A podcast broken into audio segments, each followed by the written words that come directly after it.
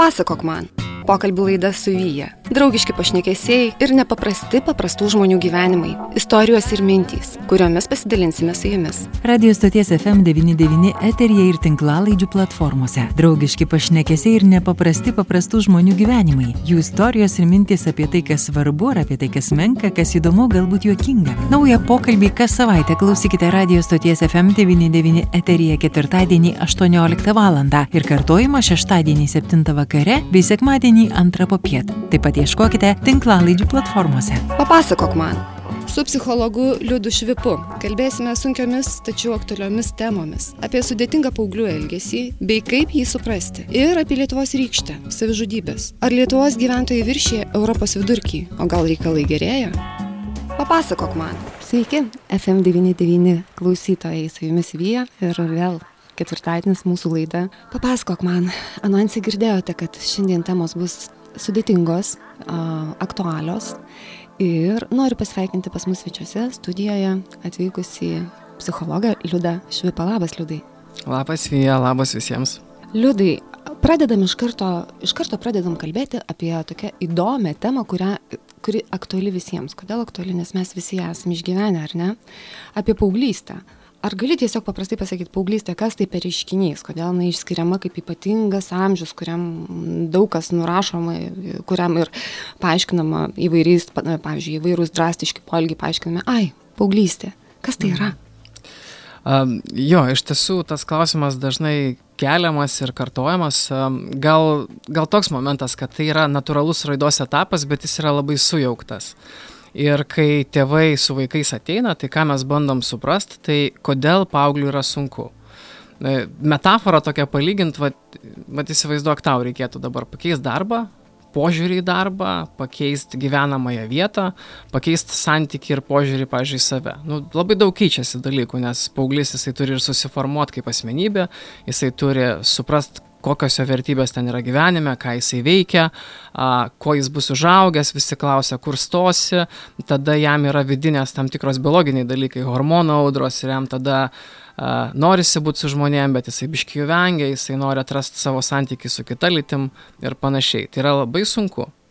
A, ir dažnai dėl to mes turbūt ir nurašom šitą, nu, ai, paauglys, nesuprasi. Ar gali būti taip, kad tiesiog aplinkiniai irgi nurašo ir nurašo, tačiau neįsigilina į tai, ką išgyvena tas paauglys, nes iš tikrųjų, kaip aš supratau iš to, ką dabar kalbėjai, tai yra tikrai nemenkas stresas ta paauglystė. Jo, paauglių yra iš tiesų sudėtinga iš tos pusės, kad uh, mes gal esam visgi tam tikroje visuomeniai. Kiek paauglių ateina ir mamų į konsultacijas mhm. dažniausiai, tai yra skirtingas laikmetis, ne, tėčio mamos ir to paauglio, ir tas labai jaučiasi. Labai dažnai būna tokios tiesiog frazės, kad, nu, pažiūrėjau, mergaitė akivaizdžiai būnanti depresyvioji nuotaikoje, mama sako, ai, nu, jinai tiesiog tingi. Mhm. Ne? Arba paauglys, kuris būna žaidžia kompiuteriu ir mamai atrodo, tai nieko tokio, kad jisai ten 10 valandų, 12 valandų sėdi prie kompiuterio. Ai, sako, jis ten kažką prie kompiuterio veikia. Nu, ir atrodo kažkas lik ir tas paauglystė tokia savaime esantis reikalas. Mhm.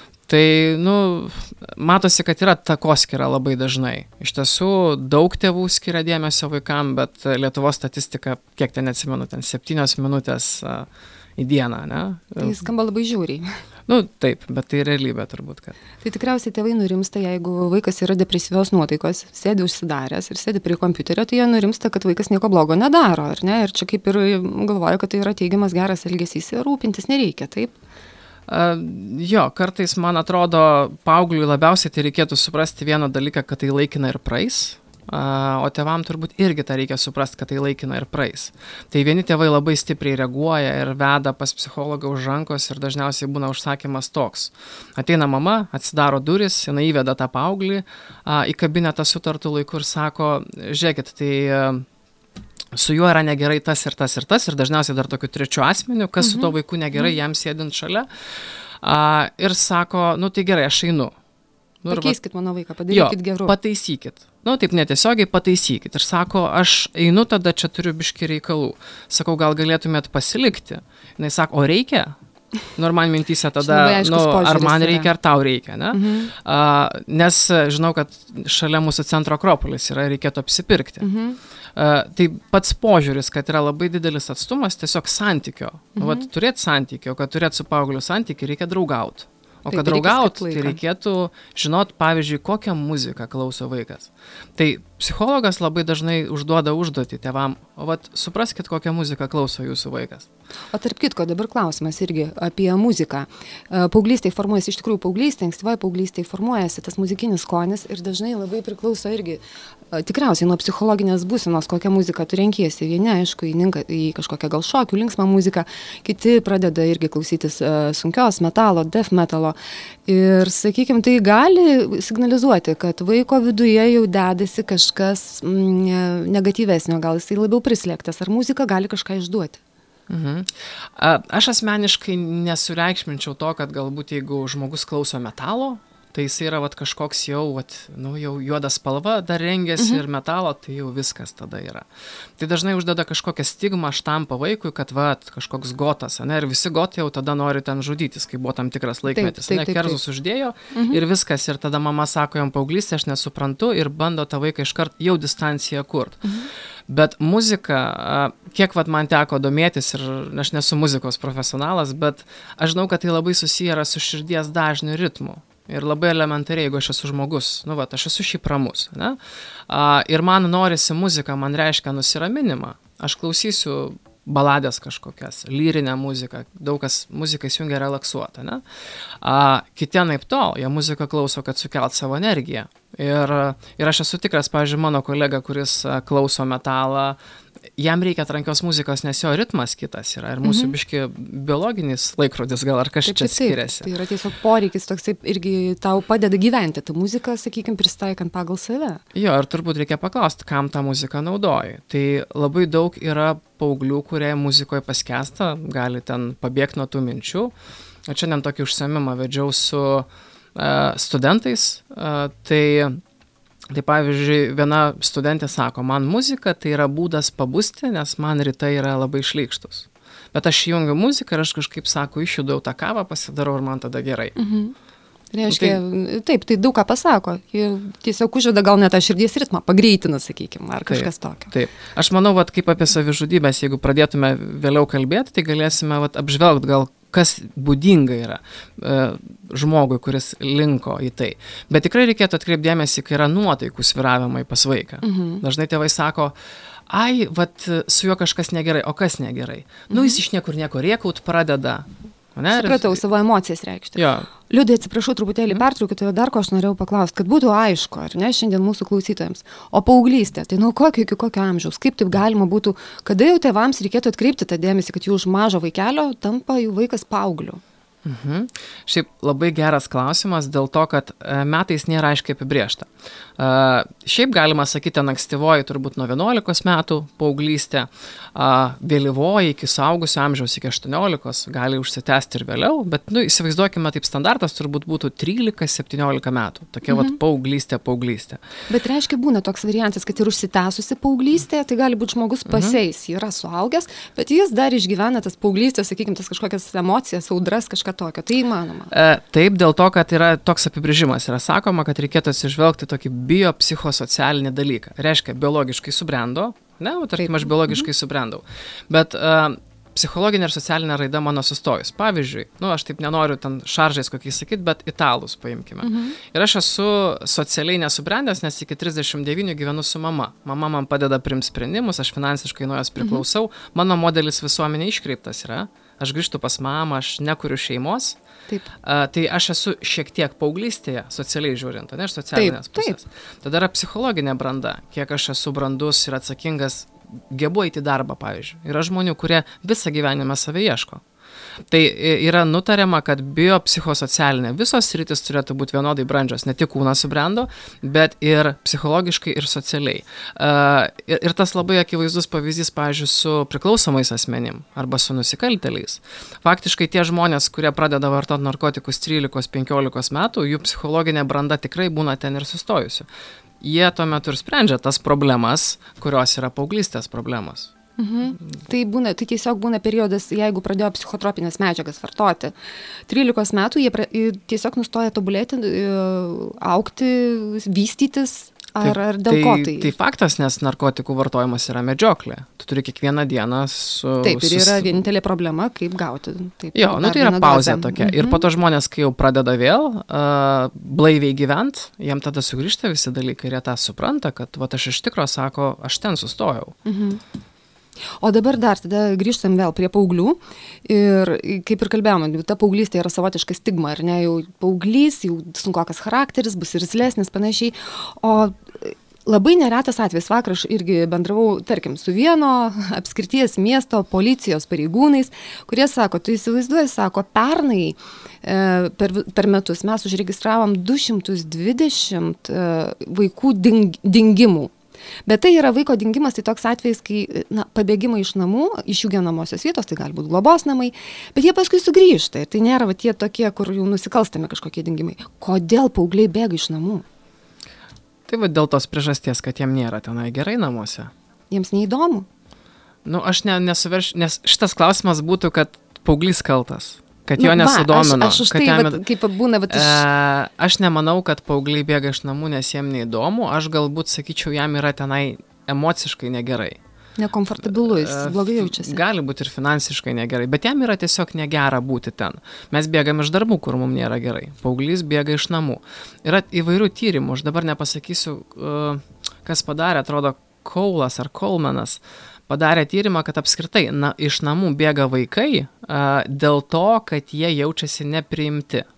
Jie jaučiasi tarsi ne savo yra. namuose. Tai va, jie nesijaučia priimti ir dabar klausimas irgi, vaikas nuo mažumės auga, jis turi savo kažkokį požiūrį, vis tiek jis formuojasi.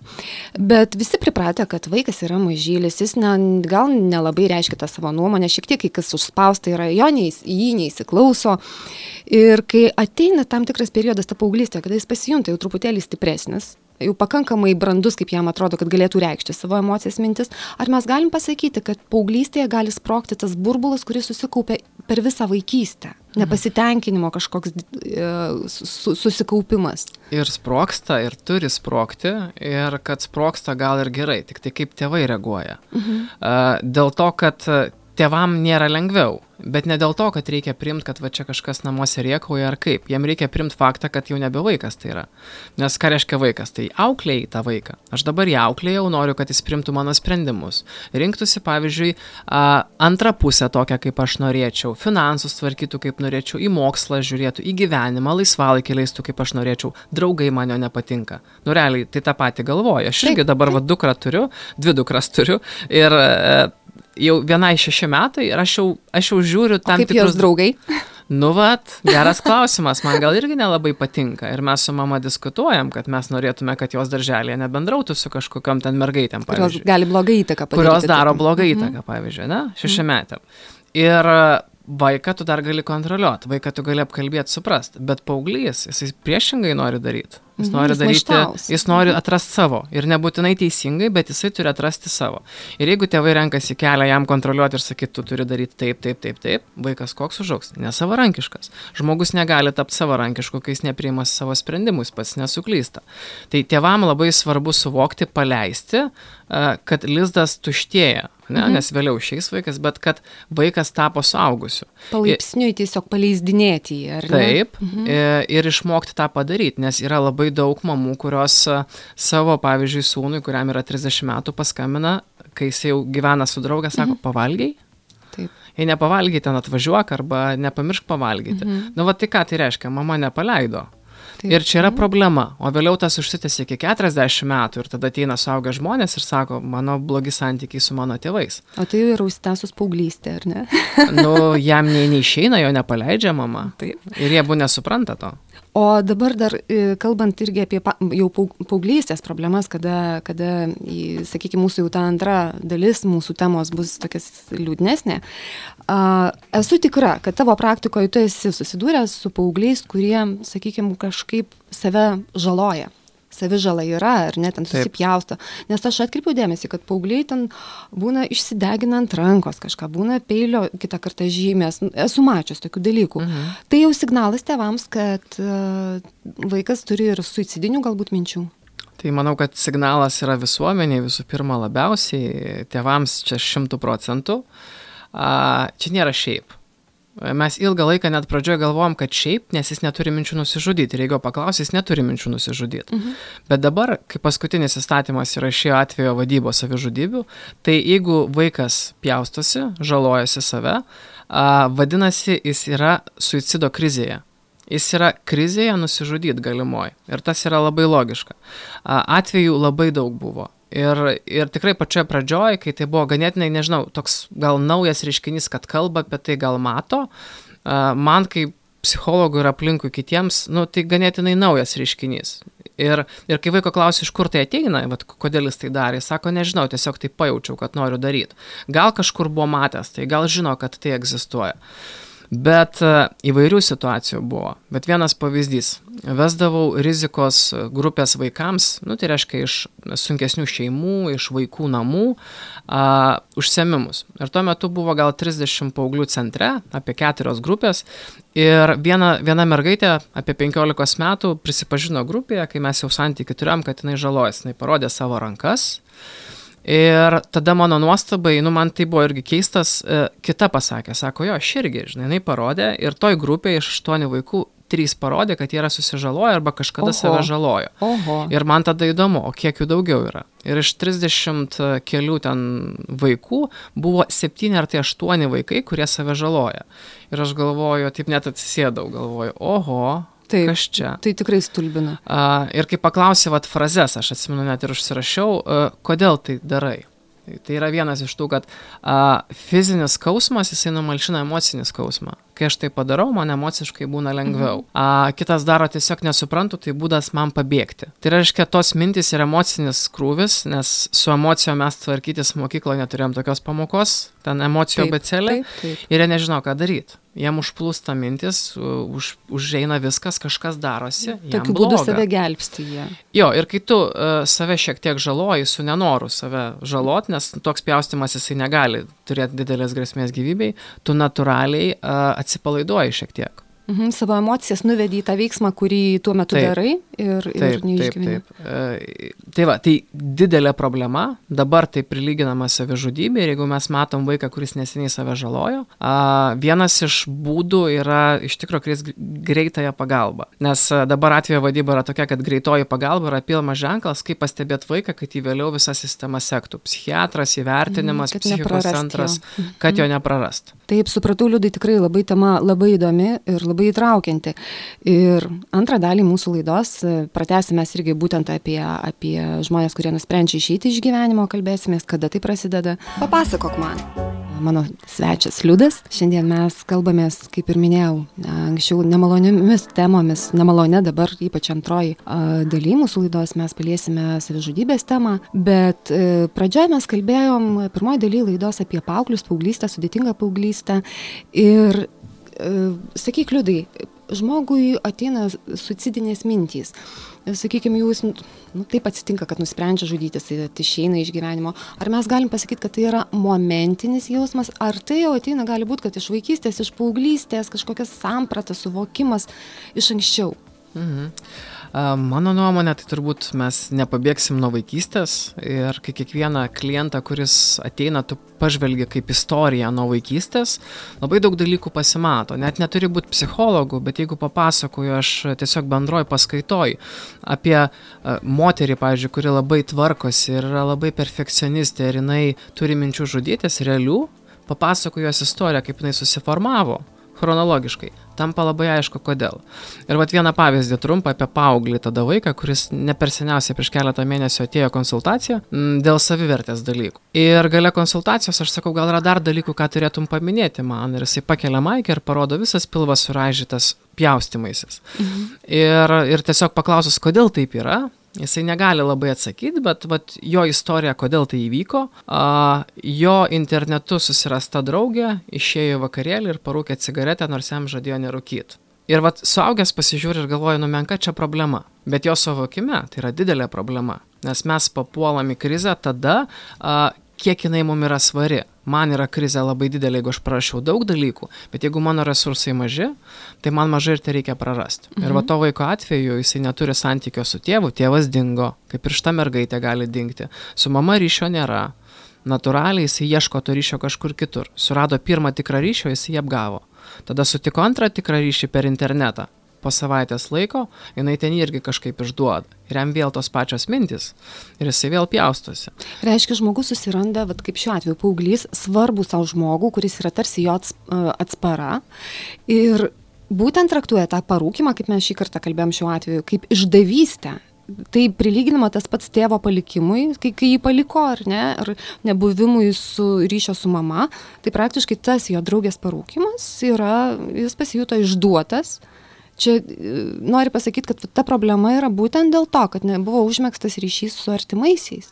A, šiaip vienareikšmiškai, manau, kiekvienam žmogui reikia ryšio, jis nori priklausyti ir būti suprastas. Čia yra tikrai giluminis toks. Uh, bet paėmus bendrą istoriją žmogaus ir, ir, ir, ir jo vaikystės išgyvenimas turi be kokią svarbą. Mes visus santykius tėčio mamos pergyvenam iš naujo. Jeigu aš neturėjau tvirto santykio su ryšio, būdamas berniuku su tėčiu, aš visą laiką ieškosiu lygiavimas į kitą vyrą. Dėl ko sako, va jam reikia, kad būtų koks mokytas vyras, tada jis kažkaip įtako mhm. pavyzdys. Dėl to, kad to santykio nebuvo. Ir mes pergyvenam juos ir jeigu vaikas tikrai vaikystėje jam trūko šilumos, jis jos visada ieškos patvirtinimo ir perdėtai dėmesio ir šilumos jo norės. Ir šiuo atveju, va, tarkim, to jaunuolio, jisai tikrai nori jį surasti. Ir jeigu suranda, jis labai jautrus. Nu tikrai, o kas jeigu užduos tokį vaiką, kur gyvenimas jį ten mėtė ir taip toliau. Bet čia gal esmė, kad kiekvieno e, krizės suvokimas yra labai skirtingas. Tai kai kuriam paaugliam labai nedaug reikia. Ir va dabar suprast labai sunku yra, kodėl jisai žudosi, kodėl jisai save žaloja. Mhm. Nu, Bet dėl tai smulkmenos tada. Mes kai ir kalbėjom, ar ne, tada atrodo, mums atrodo smulkmena, jam tai yra iš tikrųjų gyvenimo klausimas. Ir dabar e, kalbėjom apie savižalą, kai žmogus pradeda save e, po truputėlį savo suteikinėti skausmą ir koks žingsnis, ar čia, sakykime, link to e, jau žingsnio paskutinio, kada jis galbūt gilesnį pjūvį padarys, ar didelė distancija yra nuo vieno iki kito, ar tai gali tiesiog ir neįvykti, o žmogus palaipsniui tiesiog žalosis, žalosis, tik nugyvens gyvenimą. E, tai dabar pagal Lietuvos įstatymą save žalojimas būtų savižudybės krizė. E, krizė pagal visą teoriją apibrėžimus trunka du mėnesius maždaug. Tai dabar jisai turi išeiti. Arba jis iš tos krizės išeina žmogus papuolęs. Savidu, savižudiška krizė būtų tai, kad aš papuoliau į situaciją, iš kurios nežinau išeities. Turėjau priemonių, resursų, tvarkiausi, tvarkiausi ir užgriuvo man per daug. Vienam tai skolos, kitam vat, galbūt smulkmena kažkokia. Ne? ir jisai nežino, kaip tvarkytis, neturi resursų. Mhm. Ir tada dabar jo yra išeitis, arba jis susitvarkys per du mėnesius, ras būdą kažkokį iš išorės, gaus patarimą, idėją ar kaip mhm. nors, arba jisai kažką darys savo, bandys žudytis, mhm. dais iki to, nes nežino, kaip sustabdyti tą minčių srautą, kad jam yra blogai. Arba yra kitas kelias, dar sako, kad uh, krizė chronizuojasi. Tai reiškia, kad jinai tampa ilgalaikė problema ir adaptuojasi. Pavyzdžiui, žmogus po truputį pradeda išgerinėti. Ir aš mhm. truputį išgeriu, man kaip ir geriau. geriau. Vėl mhm. susikaupia minčių, vėl išgeriu. Bet aš iš principo esu ilgoji, ilgoji kriziai. Netekau darbo, nėra finansų, mhm. bet aš biški save nuraminu ten kokiais penktadieniais ir man truputį geriau, nusiorinu. Tai, e, tai tokie iš principo keliai. E, gali būti visaip mhm. su to paaugliu. O e, liudai dabar e, tiesiog e, irgi toksai klausimas iš resursai, tu minėjai apie resursus. Kas į tai įeina, kas yra tie resursai? Tai gali būti artimieji žmonės, draugai, tai, sakykime, kažkokia, kažkokia technika, praktika, kurią tu užsimi ir tau padeda. Kas tai yra? Mhm. Skaičiau dabar tokį įdomų terminą visai - psichologinis kapitalas. Net pasižiūrėjau keletą straipsnių, kas tai būtų. Tai tam tikras sukauptas resursas, kuris tavo, nežinau, gal vidinę jėgą tokią palaiko, imkime. Tai vienas iš jų yra labai svarbus savivertė. A, galiu gal papasakot, kaip aš suprantu savivertę. Mhm, tai žinoma. Tai vad savivertė būtų kaip stiklinė vandens, vat, kurią mes čia geriame ir pas vieną iš mūsų labai daug to vandens yra. Nes nuo vaikystėm sakė, šaunuolis liudai, labai gražiai padarai šitą darbelį, tau pasisekė, pažiūrėk, kaip tau pavyko, tada aš kažkur sudarinuoju kur nors chore, man ten pasiseka, nepasiseka, man paploja, aš dar mhm. pliusą susidėjau. Ir mano taurė pilna. Bet kai kuriam vaikam, kai kuriam žmonėm to nededa. Ir jiem tik įrodo tėvai, kad tu esi niekam tikęs. Ir nuolat sako, tu turi dar pasistengti. O kodėl ne devyni, Taip, o kodėl tik aštuoni? taip, Ir žmogus taip. turi labai mažą taurę to. Ir kai jam įvyksta kažkoks įvykis, jisai traktuoja per savo savivertę tai. Ir jeigu mano maža savivertė ir man įrodė mama, kad aš esu niekam tikęs, nu kabutėse, ne? Taip. Atėjau į mokyklą, tada man vaikai pamatė, kad aš biški toks niekam tikęs irgi tai įrodė, aš turiu akinius, nevykėlio. Man gyvenime greičiausiai nesiseks. Ir aš selektyviai atrinksiu visus įvykius, kurie mano gyvenime bus, kaip įrodančius, kad aš esu niekam tikęs. Ir mano vienas didelis įvykis mane gali suknižtis labai stipriai. Tai savivertė būtų kaip taurė, kurią reikia pildyti. Ir įdomumos, kas yra Lietuvoje, mes esame e, pažemintos savivertės regione. Tai va dabar ir klausimas. Savivertė yra pažeminta kaip reikiant, ar ne? Žmonės, aš taip suprantu, Lietuvoje gana dažnai renkasi kaip išeitį, tai yra savižudybė. Europos kontekste. Lietuva, žinau, kad prieš kokius dešimt metų mes buvom pirmaujantys e, bent jau vienoje srityje, tai yra savižudybės Europoje. Ar situacija nors kažkiek pagerėjo, gal mes jau, gal jau ir nesam tokie pirmūnai? Um, nu, aš nežinau, kaip absoliučiai visą statistiką sužiūrėti, nes sako, kad ne viskas suregistruota, bet uh, šiuo metu esam labai geri, geri, geri tikrai lyderiai. O, Tikrai pirmaujame čia jau kaip reikiant. Uh, jeigu pažiūrėjus Eurostato duomenis 2017, tai uh, 100 tūkstančių gyventojų 31 nusižudė. Tai gal nebūtų labai daug, bet kai paverti realius skaičius, tai Tai Lietuvoje buvo 850 žmonių nusižudė per metus. Tai daug. Žinant dar, kad lietu... mūsų lietuvių netiek jau daug ir likę. Nu, ne tiek daug ir likę. Ir situacija, sako, gerėja, kažkas vyksta, gal kitaip registruoja. 18 metais ten hygienos institutas sako 650, bet vis tiek labai daug. A, jeigu pagalyti, tai būtų maždaug a, 500-600 vyrų, 150 moterų. Tai vis tik vyrai lyderiauja dėl ko? Dėl to, kad jie yra drąsesni, ar jie neranda išeičių iš problemų? Drąsi, drąsesni būtų gera savoka, buvo drąsus nusižudė. Bet Drąsus žengia tą žingsnį per langą ar kažkur tai. Dėl to, kad moteris kalba. Moteris kalba, jos neturi tam tikrų nuostatų. Dabar jau mažiau, bet seniau vyra atvest pas psichologą, Na, kad ir dėl vaiko problemos būtų... Mm, Nu, vyras bet... pasakys, aš gi nekvailas, ko man ten eiti, nes psichologą dažnai tikriausiai su psichiatru irgi lygina ir įsivaizduoja, kad čia kažkoks požymis yra silpnumo arba kvailumo. jo, jeigu vyrai nuo moterų, kodėl? Tai vyrai, nugi jie neverkia, ne, toks jau Neverkia, šablonas šitą žinom, bet vyrai ir nekalba apie emocijas. Pas daug vyrų neegzistuoja tai. O išsikalbėjimas padeda? Padeda vien pasižiūrėjus pavyzdį Sirijoje. Vat, nu dabar Sirijos kaip ir nėra, bet pas juos yra tokia kultūra, keista, mhm. bet labai veikianti, ten nėra psichologų tam regione, dėl to, kad vyrai turi kultūrą išeiti į barą, nu, pas juos baras būtų kava gerti, arbatą mhm. ir paverkti. Tai yra įprasta, kad susirinktų būrys vyrų ir paverktų realiai, kaip jiem yra blogai. Italijoje, pavyzdžiui, buvom pietų Italijoje, Materoje, tai klausėm, sako, ne, pas mus nelabai toks reikalas yra, nes mes, sako, išeinam į gatvę ir skundžiamės. Išeina vyras į gatvę atsisėda ant suliuko su kaimynu ir Jo skundžiasi. paklausė, kaip tu laikaisi, jis sako, oi, neklaus, kaip blogai. Ir, Ir, pasakoja nu, ir viską atvirai paverkia, kaip žmona įjengia ar skriaudžia. Tai gal vis tik mes esam per mažai atviri, mes tiesiog neatviri. Kiekvienas užsidarę esam, kiekvienas slepiam tas savo problemas, kurios iš esmės josgi nėra nei gėdingos, nei kažkas tokio, mes visi vienodi žmonės. Nu taip, taip, aš nežinau kaip alytui, bent jau Kaune, aš kiek žiūriu kaiminystėje, tai kaimynai su kaimynais nelabai bendrauja. Na, iš Privačių namų ypatingai kvartaluose, tai ten... Nulis. užsitveria. Jo.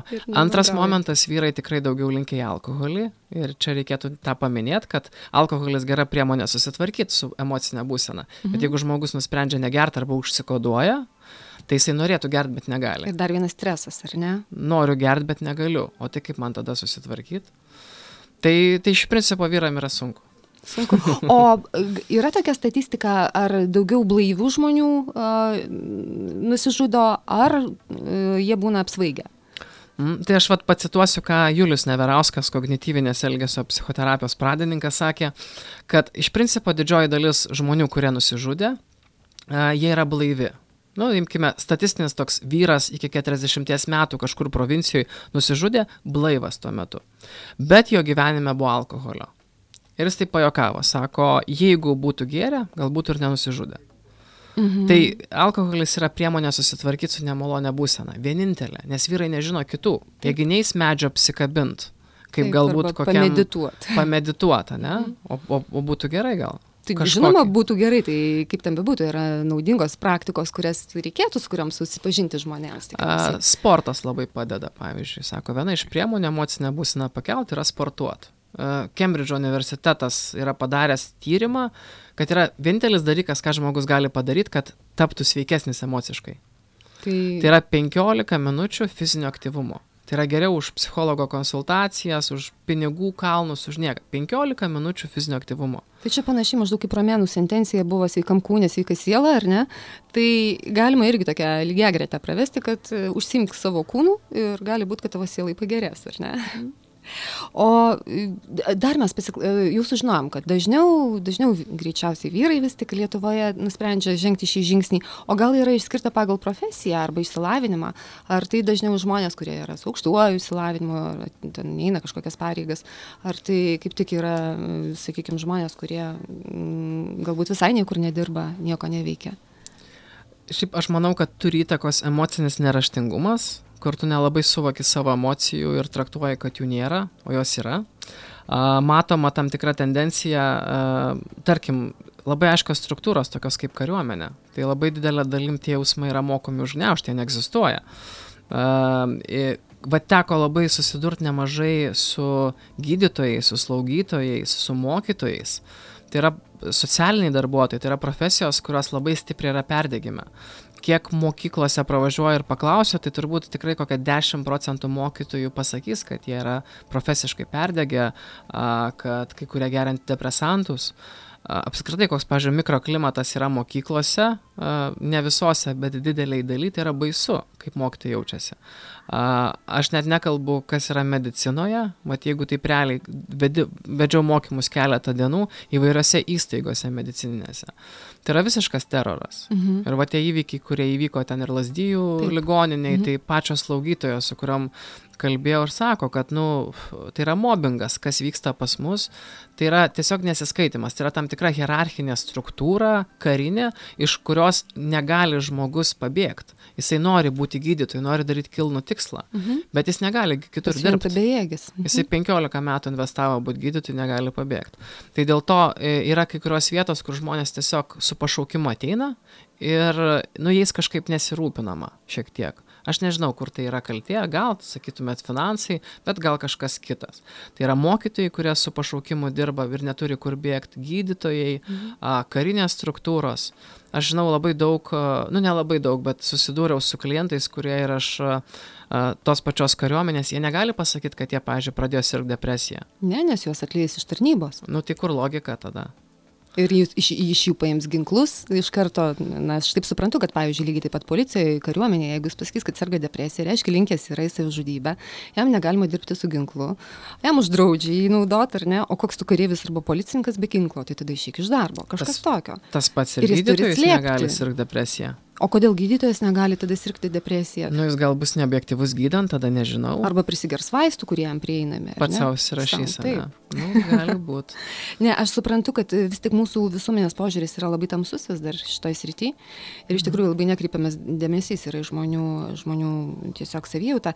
Ir dabar dar klausimas, liūdai, sakyk, gerai, pagrindiniai požymiai, pagrindiniai požymiai, kada aš turėčiau susirūpinti, kad mano šeimos narys arba mano artimas draugas e, planuoja, galvoja arba netgi nebūtinai turi planuoti, bet yra rizika, kad gali nusižudyti.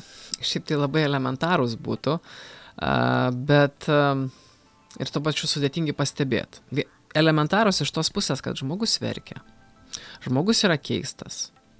A, krizės metu apskritai, kai sako, vat, būna netoksai momentas, kad sako, vat atrodė viskas buvo gerai, viskas pradėjo gerėti, o jis tada pasitraukė.